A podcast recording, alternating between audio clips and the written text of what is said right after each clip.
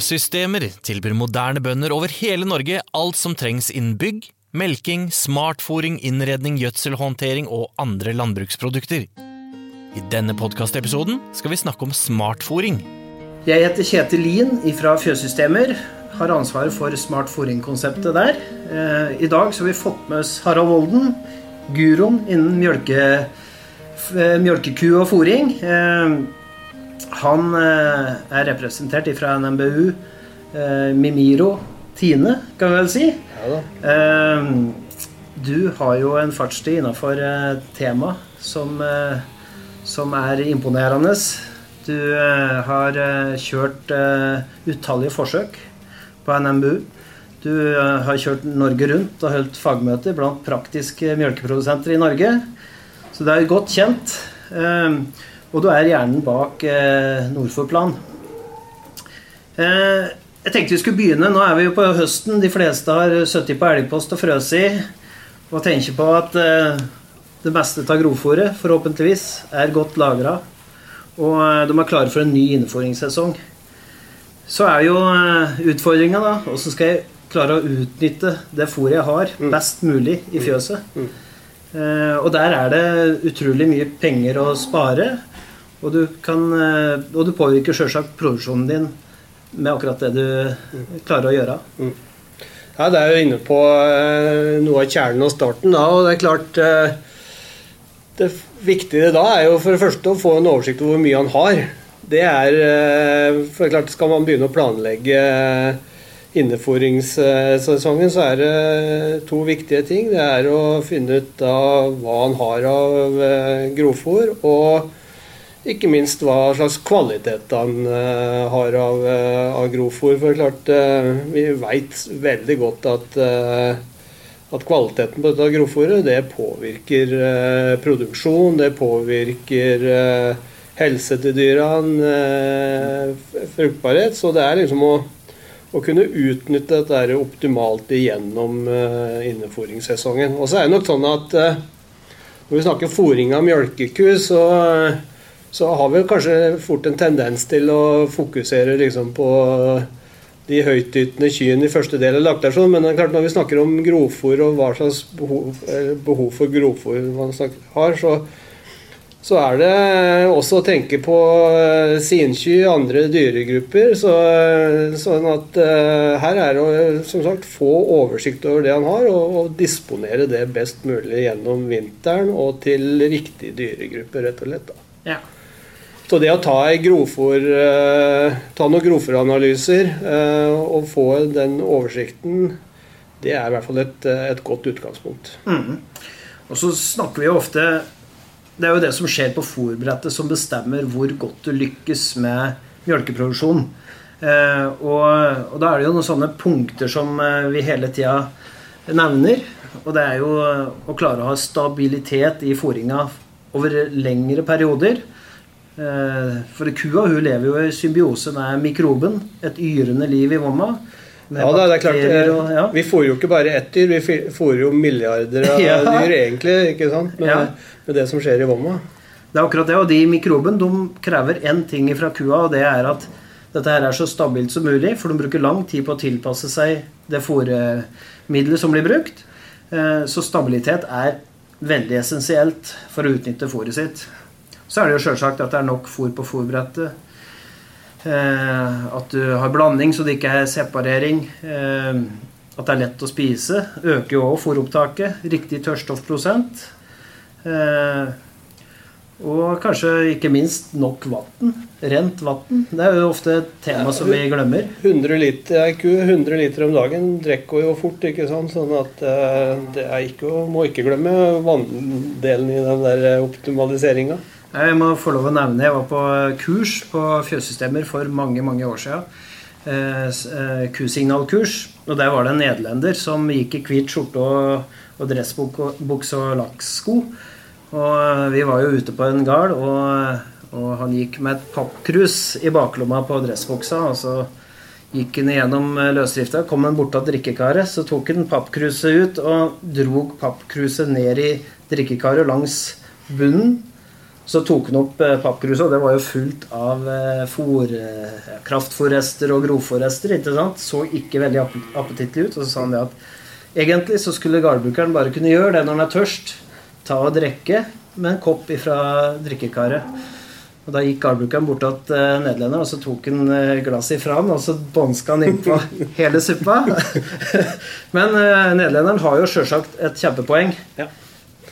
Det er klart, og, det, ja, og En ting er kan du si, kvaliteten på vannet, men vi snakker jo også om kvalitet på, på grovfòr. Ja, altså, og da er spesielt eh, hos oss hvor dette her med, med surfòr er et så viktig grovfòr, så klart at vi snakker kvalitet, eh, gjæringskvalitet, hygienisk kvalitet, eh, smakelighet, smakelighet på fôret, mm. er jo også en eh, en viktig del av å sikre et høyt eh, grovfòropptak. Og, og, som du også sier, altså fordøyeligheten er jo også alfa og omega i forhold til grovfòropptaket. Og så er vi inne på helt sentrale begreper der òg. Vi snakker om eh, appetittfòring. Altså det at eh, det er eh, stabil fòring, fôr på fòrbrettet. Det er jo den klassiske definisjonen av appetittfòring er jo at det skal være 10 eh, rester som du soper av i løpet av et døgn. Og et annet definisjon er at kua skal ha tilgang på fòren 18 eh, timer i døgnet. Da er, det,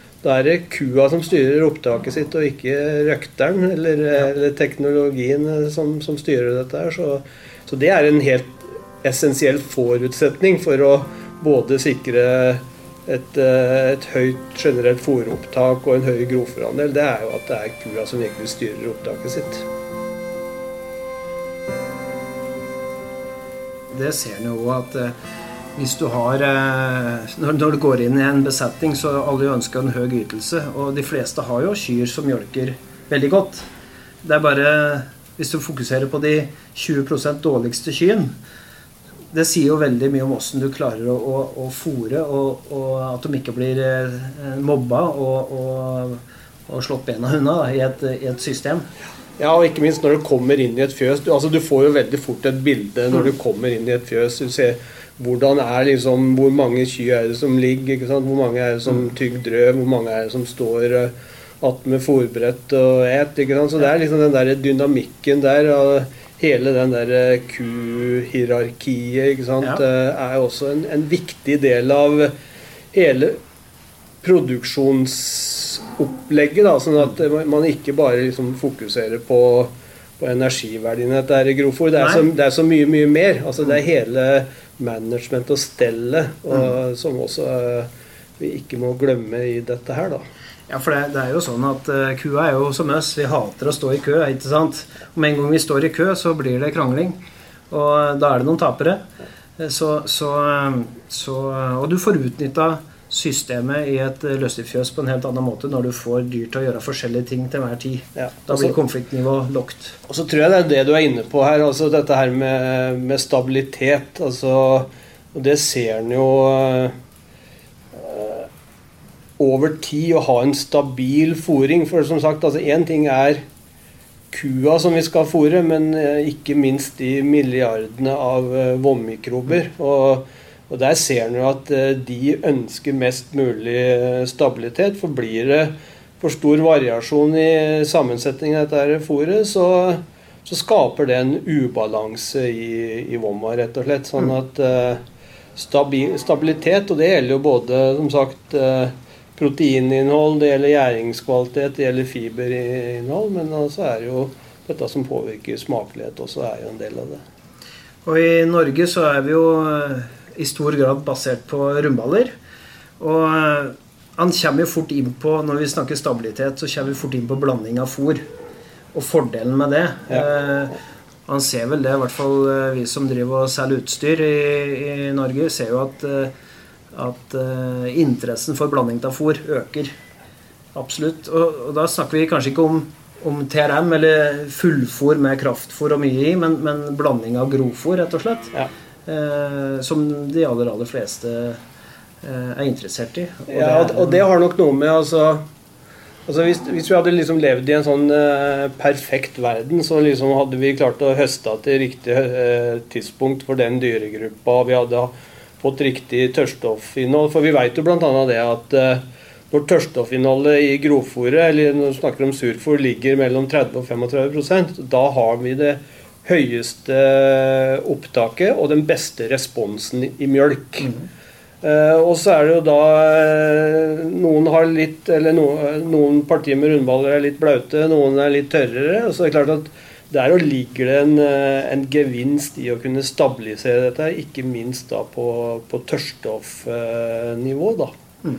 Så, så, jeg tror at det er liksom noe av det han virkelig bør ta tak i. og, og Man skal liksom begynne å lage seg et, et foringsopplegg og se da Ja, jeg har rundballer. Jeg har Eh, erfaringsmessig stor variasjon i, eh, i kvalitet eller tørrstoffinnhold. Liksom, hva kan jeg da vinne ved å, ved å, fysisk mikse dette sammen? Mm. Altså, det, det, det, finnes jo, det er gode eksempler på at, eh, at det er også bra resultater når du fôrer det hver for seg. ikke sant? Ja, ja. Men, men, hvis du virkelig har fokus på den høye fòrutnyttelsen og, og, og, virkelig skal klare å optimalisere liksom den, den, eh, siste delen, mm. så er nok det med å kunne fysisk blande dette er, er viktig å ha fokus på.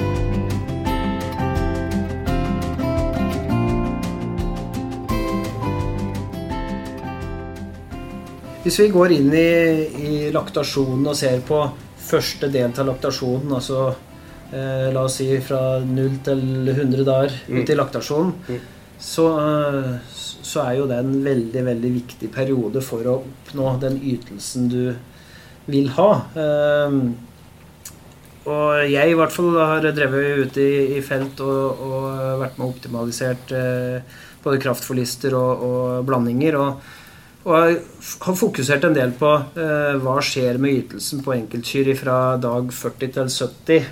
Går de ned mye i mjølk da? Unormalt mye ned da, det skal de egentlig ikke gjøre, så er det et tegn på at du har bomma med energitildelinga tidlig mm, i laktasjon. Mm, mm. Eh, ja. ja. Du kan si at alt henger jo sammen med alt. det altså, eh, Sinperioden, som vi sikkert eh, skal snakke litt om eh, etterpå, har jo en betydning her. Men det, men det er helt klart at avdråtsutviklinga de første to-tre månedene er faktisk det som bestemmer hele laktasjonsavdråtten under forutsetning av at ku holder seg frisk, mm. så er, er, hvordan du skaper fôropptak og mjølkeytelse, det er det som er helt avgjørende da, for resten, resten, av laktasjonen. Det er klart at Da er vi inne på to veldig sentrale eh, forhold. Det er grovfòropptaket, å legge til rette for et høyt grovfòropptak. Og så er det å tilpasse kraftfòret til det, den grovfòrstrategien du, du, har, både i forhold til mengde og i forhold til, til kvalitet. For at, eh, du nevnte innledningsvis at altså jeg har jo jobba med forskning og utvikling innenfor uh, mjølkeproduksjon i, i, 30 år, og jeg har kjørt masse forsøk. og mm. Er det noe jeg virkelig har fått vist gjennom en del av de forsøkene, er at du kan jo ødelegge en kjempegod grovfòrkvalitet ved hjelp av feil kraftfòrstrategi. Mm. Og der tror jeg liksom det er mange som ikke får ut potensialet av det, alt det arbeidet de har lagt ned under grovfòrproduksjon. Mm. Fordi at de, de, klarer ikke det, å optimalisere det siste kneppet, nemlig altså forholdet mellom grovfòr og kraftfòr. Mm. Og da er det liksom Ja, hvordan gjør man det? Og det er klart at det som i hvert fall er helt avgjørende, det er opptrappingshastigheten for kraftfôr etter kalving. Og, og er det da sånn at du, du, enten har dokumentert eller har en klar indikasjon på at grovfòret ditt er av en god kvalitet, så skal du være forsiktig med kraftfòropptrappinga. Og da er anbefalinga 300 gram eh, per dag, jevnt opptrapping, og så følge med. Og i hvert fall de som da har et uh, mer moderne mjølkesystem, f.eks. En, en robot, så kan du liksom følge med hvordan den avdråtsutviklingen blir, i takt med den opptrappinga av uh, av kraftfôret. Mm. Og da også kunne eh, kjøre noen optimeringer ut ifra en, eh, en, eh, gitt grovfòrkvalitet, og, og, rett og slett finne ut hvilket nivå bør jeg egentlig stoppe eh, kraftfôropptrappinga på. Mm. Og så få testa dyrene litt da på det nivået. og Hvis de da ser at de responderer litt til, så kan du, og du ønsker mer mjølk, så kan du øke ytterligere. Eller så kan du si at nei, hos meg så er det fokus på, på mer grovfòropptak. Mm. Så kan du heller trappe, trappe ned. Under én viktig forutsetning, og det er at du ikke har smellfeite kyr ved kalving. Ja.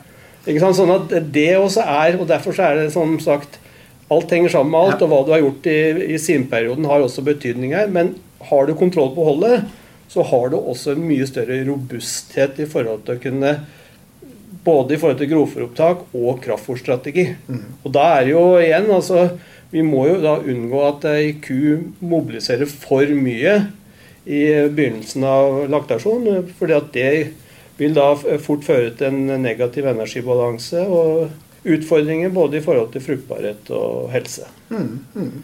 Og Vi har jo også kjørt et stort feltforsøk for noen år siden hvor det viser det at mjølkeavdrotten den første uka Hvis du tar den daglige mjølkemengden og summerer den for første uka, og hvis den da kom over 230 kg for ei voksen ku, så eh, økte det risikoen for mastitt innenfor de første 30 dagene. Ikke sant? Sånn at, mm. Og da, den første uka, så klarer du ikke å holde kontroll på ytelsesutviklinga. Det er det holdet som styrer. Ja, og det er sinku... Og det er sinkufòringa. Men, men la oss si at du da eh, har orden på sinkua, så er det opptrappingshastighet, og så er det det nivået som du trapper opp til mm. etter at, eh, i forbindelse med opptrapping av, av kraftfôret. Og det er i stor grad styrt av ønska avdråsutvikling, nivå, og kvaliteten på grovfòret.